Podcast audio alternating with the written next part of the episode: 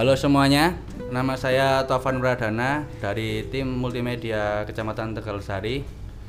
Hari ini kita akan membahas topik tentang sinematografi skill yang dipersembahkan oleh tim multimedia Kecamatan Tegalsari.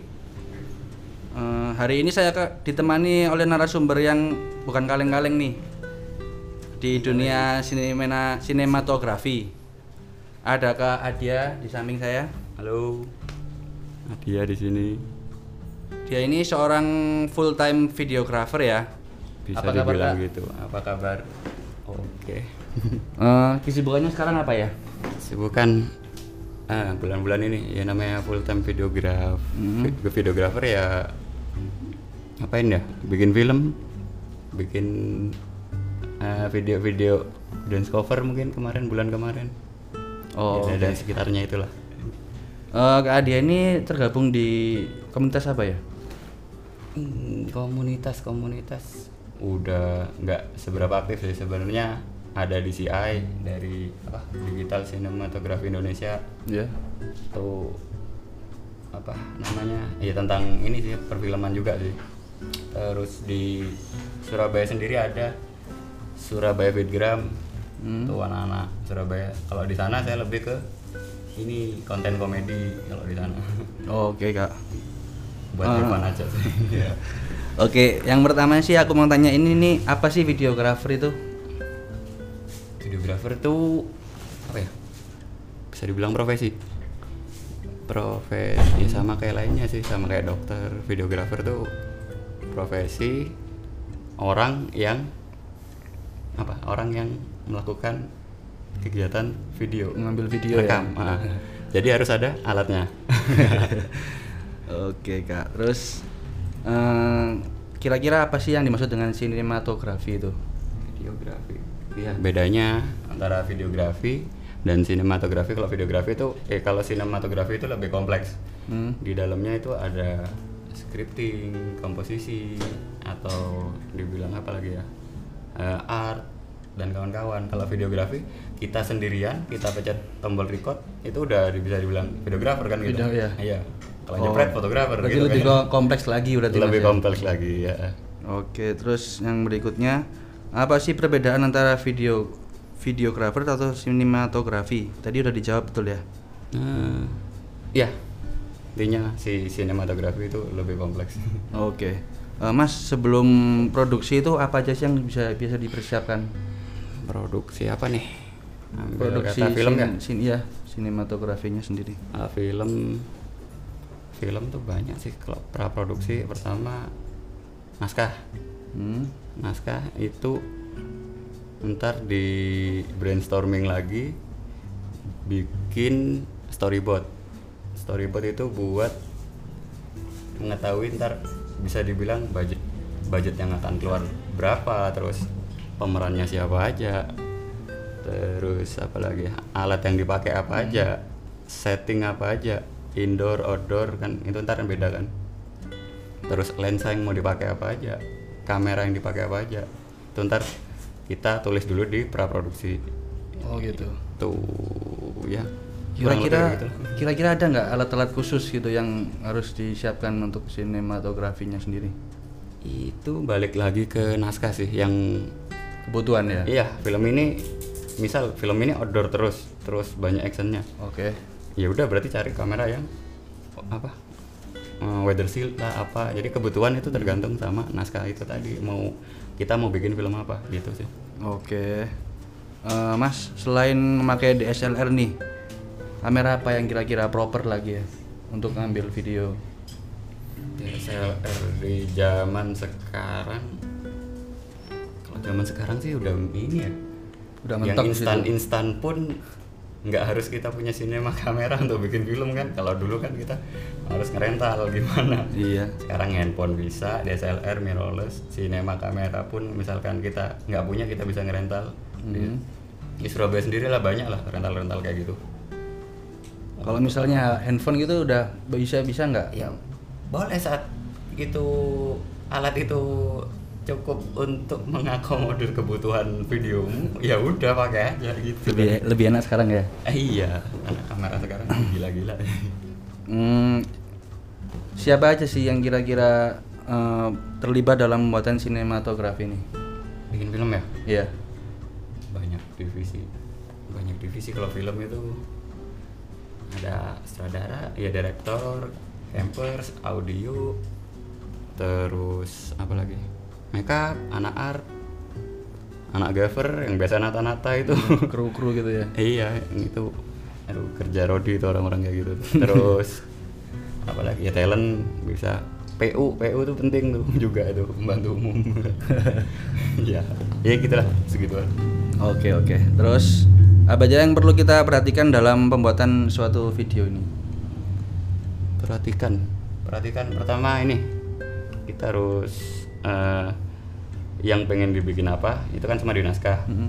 sama entar outputnya jadi seperti apa Sep- jadi kayak semakin mereka eh, mirip maksudnya nggak ada distorsi itu berarti ya keren lah film itu jadi pesan nyampe Oke. lebih gampangnya tuh kayak itu pesan gimana caranya pesan nyampe bahasa Ah. visual Oke mas. Terus macam-macam pengambilan gambar dalam sinematografi itu ada berapa? Ada berapa macam ya? macam-macam pengambilan gambar. Banyak kali ya mas. Contohin aja tiga ya lah. ambil aja gini lah. Eh, kita sin misal podcast ini. Ya. kita pertama kasih eh, establish shoot ya. Itu shot keadaan itu establish shoot. Hmm. ntar eh, misalnya masnya masnya masuk duduk. Tuh kita kasih pen. Pen terus masuk ke eh, close up jadi Oh, ya, gitu. misalkan satu scene itu aja udah ada tiga kan Heeh. nah itu ada kebutuhan misalkan ada kebutuhan lain lebih banyak lagi alright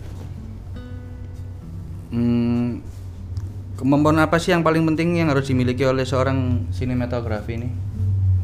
kemampuan kemampuan kalau sinematografi itu eh, menerjemahkan bahasa ke bahasa visual dari Dari skrip. dari entah itu skrip entah itu omongan orang biasanya Iya. kan orang juga brainstormnya kan nggak harus tekstual kan Heeh. itu jadi gimana caranya mereka ini bisa paham apa yang si si orang yang bikin naskah ini pengen gitu Oh gitu. Jadi Membahasakan mengaplikasikan secara visual kan ya? dan audio Nah, Oke oke.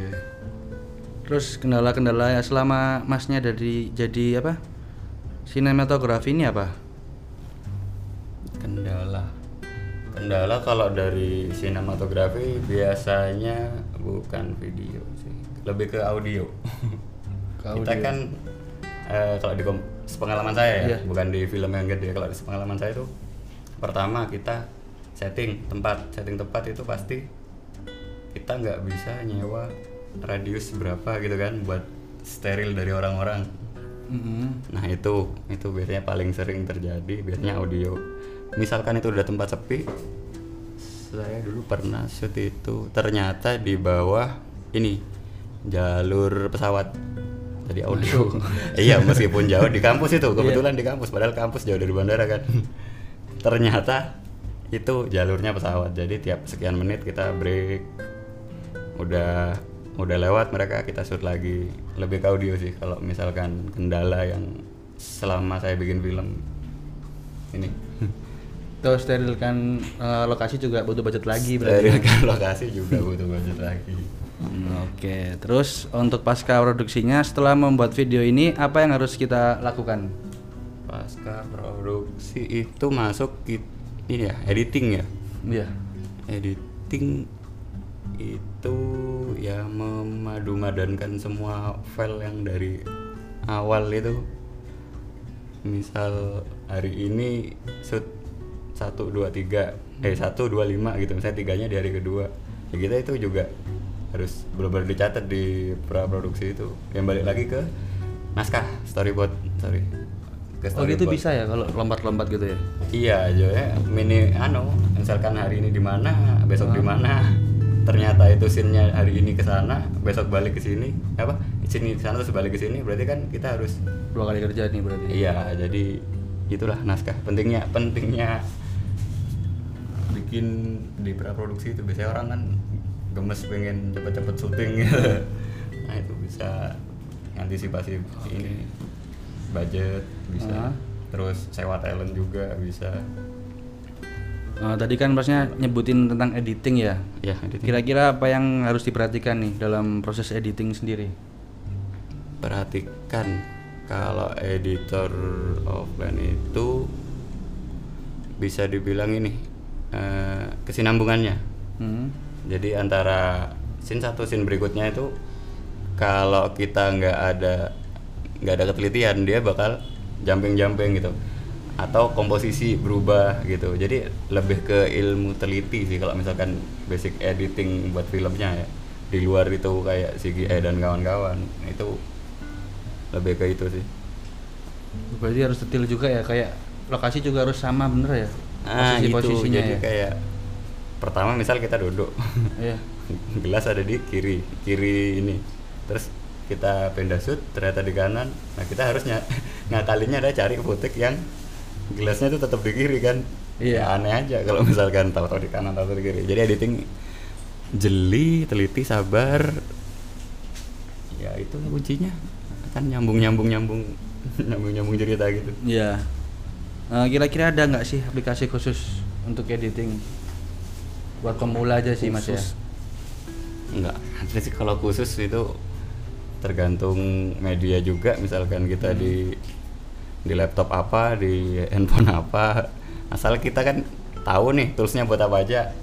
Terus eh, kebutuhannya dia apa aja, misalkan cuman cut di apa ya sekarang ya UVN, UCut itu KineMaster di handphone pun bisa kan. Ya, ngapain Iya. kita kita harus pakai yang lebih expert misalkan ini aja udah cukup untuk style kita dan kebutuhan kita jadi kalau aplikasi khusus menurutku nggak nggak ada patokan sih sebisanya Kalau masnya biasanya pakai apa? Biasanya kalau film FCP Final Cut Final Cut Pro mirip-mirip Premiere sih untuk yang pro ya. itu namanya doang Pro Oke, sekarang eh, kali ini sudah selesai ya podcastnya. ada sisi pertanyaan nggak? Mungkin ada Ada ya? sisi pertanyaan. Jadi nggak yang ada live ya? berapa yang live? yang. Oke. tolong admin Makasih untuk teman-teman yang sudah nyimak podcast kali ini yang temanya sinematografi skill. Saya Taufan Pradana bersama dengan Kakak Adia. dia Terima kasih pada seluruh pihak-pihak yang mewujudkan acara ini. Kalian bias bisa terus mengikuti acara kami yang lain. Eh, eh, acara rutin kan ini ya Iya. Nanti eh, pertanyaan-pertanyaannya bisa langsung di komen aja Mas ya teman-teman. Bisa dicek nanti di bawah ini. Nanti saya tulis ke anunya ETBM Setegalsari 01. Iya itu di follow aja dulu. Jika kalian mempunyai pertanyaan-pertanyaan bisa langsung tolong tulis di komen ya. Oke, sekian. Sekarang nih? Iya. Oke, sekian dari saya dan Mas? Adia ya. Ini kalau nanti ada aja langsung dijawab di komen aja. Oh Mas. dijawab di komen. Iya. Oke baik. Terima kasih sudah menyaksikan. Assalamualaikum warahmatullahi wabarakatuh. Salam literasi. Oh iya, salam literasi. Salam literasi gitu.